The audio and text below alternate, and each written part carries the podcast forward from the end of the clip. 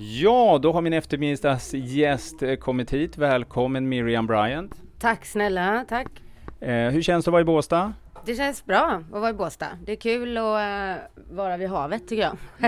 ja, nej, men det är och västkusten kanske. Exakt. Eh, jo, eh, du mottog ju priset på Grammisgalan nu för eh, bästa musikalbum eh, med PS Jag hatar dig.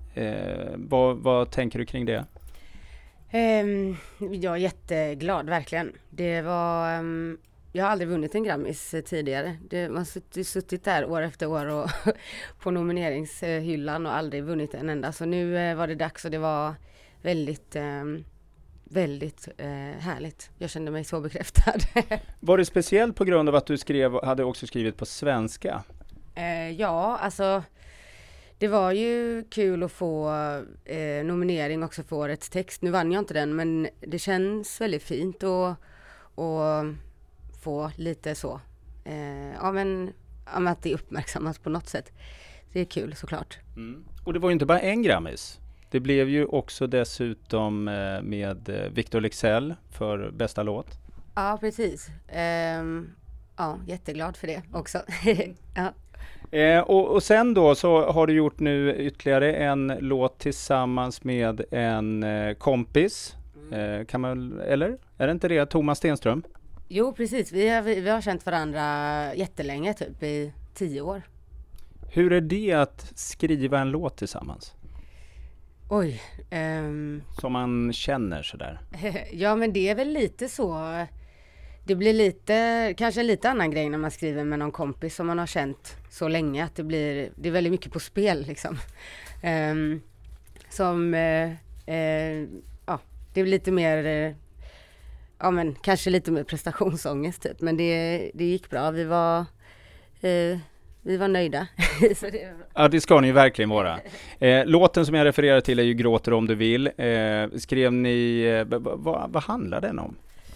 Eh, men det är väl bara egentligen en, en kärlekslåt eh, och att man gör vad som helst för att få vara med någon. Och kanske inte bara liksom bra saker utan också kanske inte alltid så bra för en själv. Lite toxiska förhållanden kanske. Mm. Ja. Eh, nu ska du alldeles strax gå upp här på scen. Eh, vad kommer eh, publiken att få höra? Vi kommer, eh, det får, vi, det får de se, jag höll på att säga. Nej, men det blir lite, vi har ju varit ute på vårturné nu eh, i hela Sverige så vi, det blir en liten förlängning på den. Så vi, det blir mycket nytt men också lite gammalt. Mm. Ja, spännande. Eh, får vi lyssna sen eh, live då sen senare. Ja. Hur, eh, för övrigt, hur ser sommaren ut? Det är mycket spelningar, vilket vi tycker är jätteroligt. Det har vi verkligen längtat efter allihopa och få möta publik. Så um, förhoppningsvis så vill folk komma och, och ja, dela det med oss.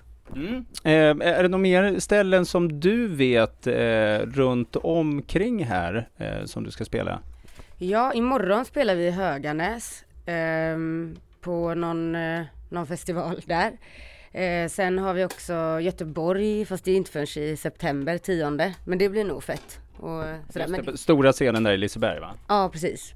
Men sen kan man, om man vill, kan man gå och kika på internet, på min eh, ja, sociala medier finns det massa info om det. Mm. Ja, nej, men det är jättebra. Eh, och framtiden, nu vet jag att det var inte länge sedan du släppte albumet och sådär, men eh, artister har ju en förmåga kanske att eh, man hela tiden vill framåt och gräva och så vidare. Är det någonting, ny låt eller något sånt? Eh, jag, jag hoppas att det kommer ny musik eh, innan året är slut. Men jag vågar inte lova någonting för det blir jag så stressad. Men det, det kommer nytt för så småningom. Tack så hemskt mycket Miriam Bryant för att du tog dig tid för Radio Båstad. Tack Robert.